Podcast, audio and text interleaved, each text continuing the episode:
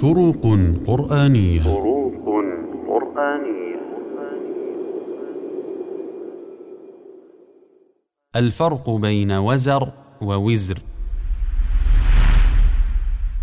الوزر بفتح الواو والزاي هو الملجأ الذي يتحصن به أو المهرب.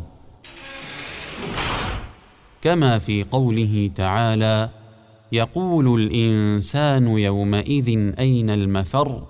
كلا لا وزر. أي لا ملجأ ولا منجى يومئذ. أما الوزر بكسر الواو وإسكان الزاي وجمع وزر اوزار فهو الحمل الثقيل الشاق المرهق.